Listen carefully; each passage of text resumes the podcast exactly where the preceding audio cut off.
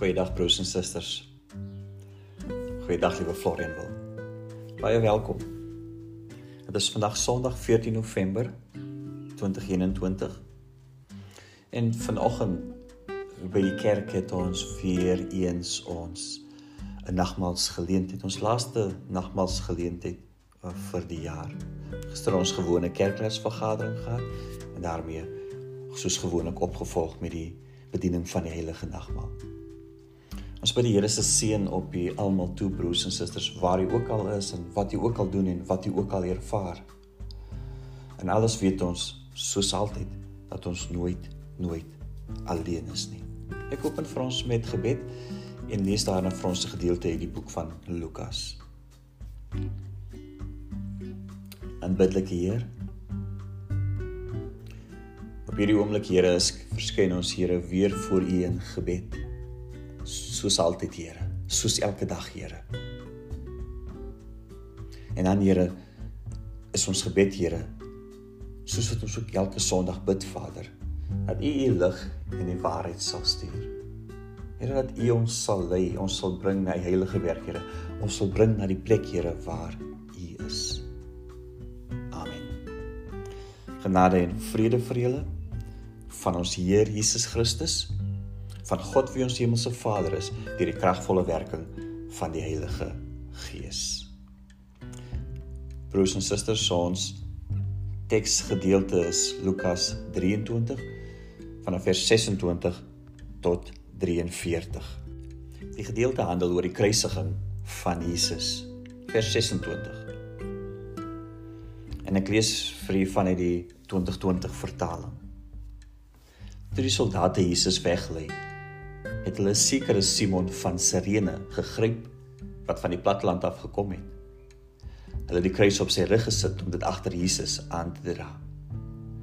Groot menigte van die volk het hom gevolg en ook vroue wat aanhoudend op hulle bors slaan en oor hom weeklag. Hulle het na hom Jesus het na hulle gedraai en gesê: "Dogters van Jerusalem, moenie oor my huil nie. Huil liewer oor julleself en oor julle kinders, want kyk, Daar kom daar wanneer mense sal sê, gelukkig is diegene wat onvrugbaar is en die moederskoot wat nie 'n kind in die wêreld gebring het nie en die borste wat nie kinders gevoed het nie. Dan sal hulle vir die berge begin sê, val op ons en vir die heuwels bedek ons. Want as hulle dit aan die groen hout doen, wat sal nie met die droë hout gebeur nie? Saam met Jesus is ook twee ander misdadigers weggelê om tereggestel te word. Toe hulle by die plek kom wat Kopbeen genoem word, het hulle hom daar gekruisig. So ook die misdadigers, een aan sy regterkant en een aan sy linkerhand. Toe sê Jesus: "Vader, vergeef hulle want hulle weet nie wat hulle doen nie." Hulle het sy boklere verdeel deur daaroor te loot. Die volk het gestaan en toe kyk. Die volksleiers het aanhou aangehou om smalend te sê: "Ander het hy gered." Laat hy homself red as hy die Christus van God, die uitverkorene is.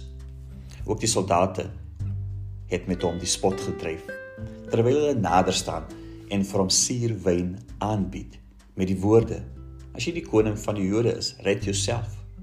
Bokant hom was daar ook 'n opskrif: Hy is die koning van die Jode. Een van die misdadigers wat daar gehang het, het hom aanhoudend gelaster en gesê: Jy is mos die Christus of hoe? Red jouself en ons. Die ander een het hom egter bestraf en gesê: "Het jy nie onsag vir God nie? Jy ondergaan per slot van sake dieselfde straf. In ons geval is dit regverdig. Ons word tereg gestraf vir wat ons gedoen het. Maar hierdie man het niks verkeerd gedoen nie." Hy sê toe: "Jesus, dink aan my wanneer u in die koninkryk kom." Jesus het hom geantwoord: "Amen. Ek sê vir jou, vandag sal jy saam met my in die paradys wees. Tot sover broers is die woord van ons Here. Um handel oor die kruisiging van ons Here Jesus Christus. En by hierdie nagmaalsgeleentheid is dit eintlik maar my fokus broers en susters dat ons stil staan by Jesus en die kruis. Dat bietjie met mekaar gesels oor oor kruisdra en wat dit ook beteken as ons altyd na die uitbeeldings van die kruisiging van Jesus kyk, na die films van Jesus kyk, sien ons sy erge lyding en hoe dit uitgebeeld word. Ons sien nie fisiese mishandeling. Fisiese mishandeling deur soldate. Ons hoor die spot van mense wat rondom hom vergader, wat skree dat hy gekruisig moet word. En dan volg ons op die skerm terwyl Jesus die swaar kruis dra. Ons sien hom struikel en val onder die gewig van die kruis natuurlik. Ook as gevolg van die erge lyding. Die feit dat hy uitgeput is tot die dood toe. Die Katolieke ehm um, beeld die lydingsweg van Jesus Christus mooi uit. Die Via Dolorosa. En dan het hulle die verskillende stasies van die kruisiging in in portrette in in in in fotos uitgebeeld en dit hang in hulle kerke ook.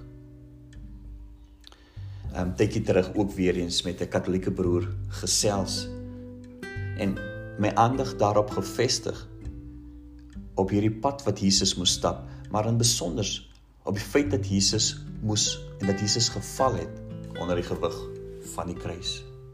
Wat my nogal daaraan laat dink het dat ek nooit gepreek het oor Jesus Christus wat val onder die gewig van die kruis nie.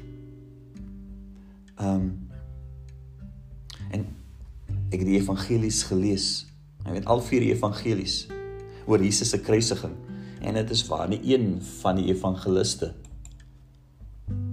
sal eksplisiet noem dat Jesus gestruikel en geval het onder die gewig van die kruis nie. Jesus moes sy kruis dra, dit is waar en dit weet ons. Jesus was uitgeput, dit weet ons ook. Sedert die donderdag, die ten van Getsemane, worstel Jesus Christus oor die bitterbeker wat hy moet drink. En van daar af volg sy fisiese lyding, maar ook die verlatenheid deur sy hemelse Vader, die dra aan die sonde van alle mense. Jesus is uitgeput tot die dood toe. Ons teks begin dus en vertel van Simon van Sirene. Die persoon wat gegryp was deur die soldate om Jesus te help dra. Natuurlik beteken dit dat Jesus nie meer kon nie. Dit beteken dat Jesus moes gestruikel het, dat Jesus geval het. Beteken ook dat Jesus so swak was dat hy nie kon opstaan nie. So ek gaan soek 'n bietjie daaroor om om, om te lees En ek kom weer eens by Henry Nouwen uit, 'n Katolieke priester. En hy skryf nadenkend oor Jesus Christus en hoe Jesus Christus val. Dat Jesus magteloos op die grond val. En Nouwen sê in sy meditasie hieroor dat hy vir Jesus sien met 'n uitgestrekte hand terwyl hy op die grond lê. 'n Hand wat soek na iemand om te help, om op te help. 'n Hand that waits for the touch of another hand. No one says, one of the most life giving images is that of a human hand reaching out to each other, touching each other, into a sign of peace, reconciliation, you know, a sign of love. In contrast, one of the most despairing images is that of a hand stretched open, waiting to be touched with care while people walk heedlessly by. In hierdie beeld van Jesus sien Jesus sien nou en weet alle mense, alle individue. Maar hy sien ook die gebroke gemeenskap wat met hande uitgestrek lê. Wat hulle hande uitsteek vir hulp. En dan en dan kan ons verskeie omstandighede noem wat maak dat mense uiteindelik van hierdie druk wat hulle ervaar geval het en nou 'n hand uitsteek na ander om hulle te help. Weet van uit armoede uit en dit waarmee hulle sukkel van uit die geweld wat mense ervaar vandag van uit die hopelose situasie uit van 'n gebrokenheid is sien ons mense wat hulle hande uitsteek na ander toe. Maar in hierdie beeld van Jesus Christus is daar niemand wat 'n hand uitsteek van hulp nie Jesus, God made human, falls so that we can bend over to Him and show Him our love and compassion. But we are too busy with other things even to notice. God's powerless hand asking to be grasped by a caring human hand. beeld dan broers en susters. En ek reken dat ons die Katolieke nodig het om om hierdie weer te sien en te hoor. Dat die uitgestrekte hande van mense op 'n besonderse manier die uitgestrekte hand van God is wat wag dat iemand sal help.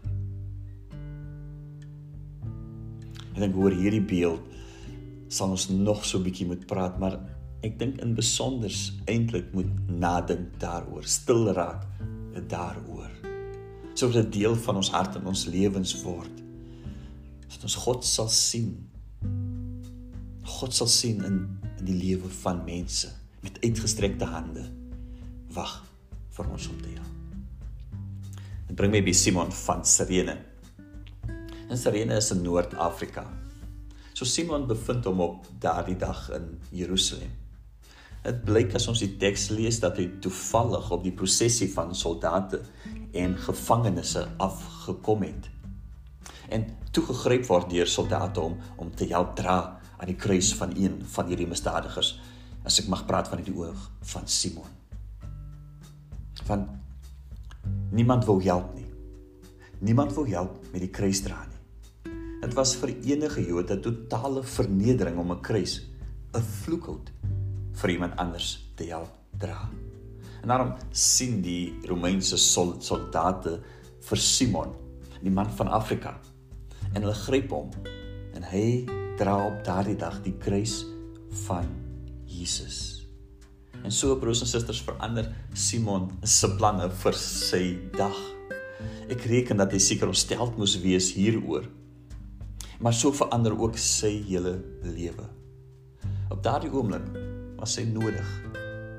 Op daardie oomblik glo ons deur die beskikking van God, is dit sodat hy gegryp word en hy word opgesaal met hierdie kruis. Iets waarvoor hy nie gevra het nie, iets wat hy nie gesoek het nie.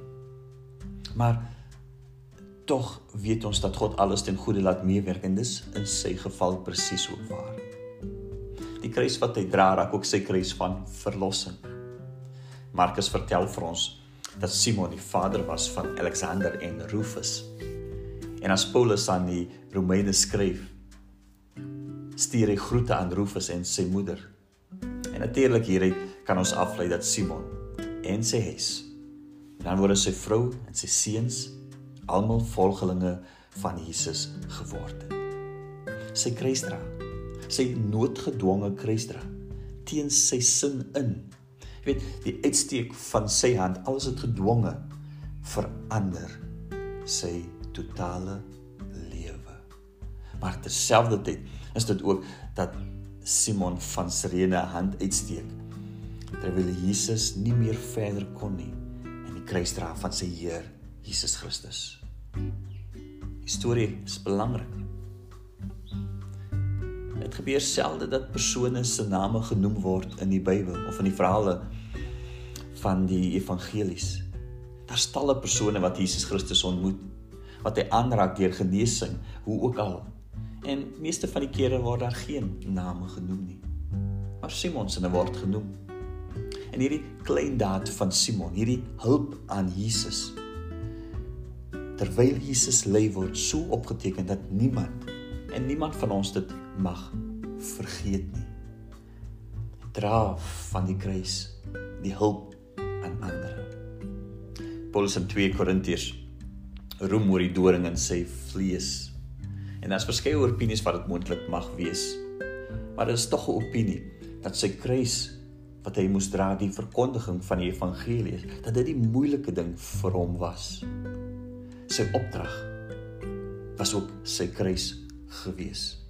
Maar is vaar deur die verkondiging het hy 'n hand uitgesteek na verlorenes.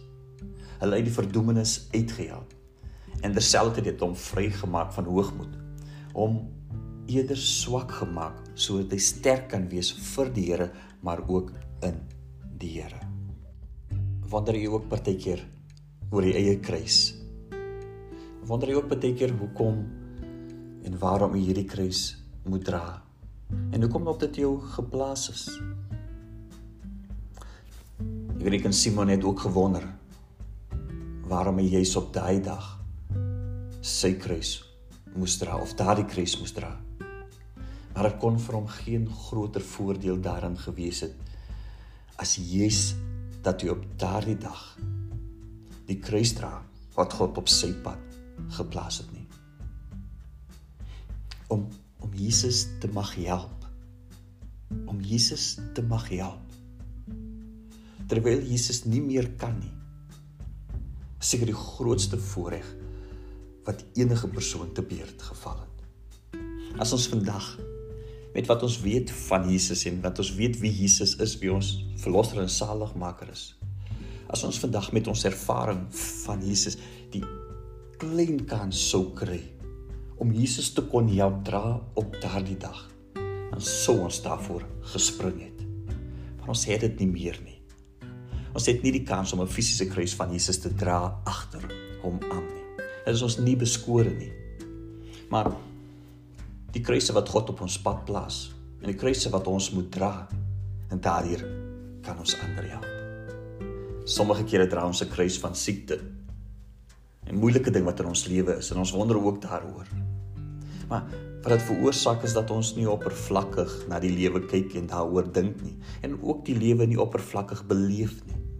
En vanuit hierdie kruis wat ons dra, kan ek soveel en kan jy soveel verander beteken. Kan jy waarlik bemoediging gee aan mense, waarlik vertel van God se teenwoordigheid in jou lewe en daardeur ander help. Dink aan die kruis van 'n sukkel met die dood van 'n geliefde Weereens gee ons 'n dieper verstaan en ervaring van die lewe.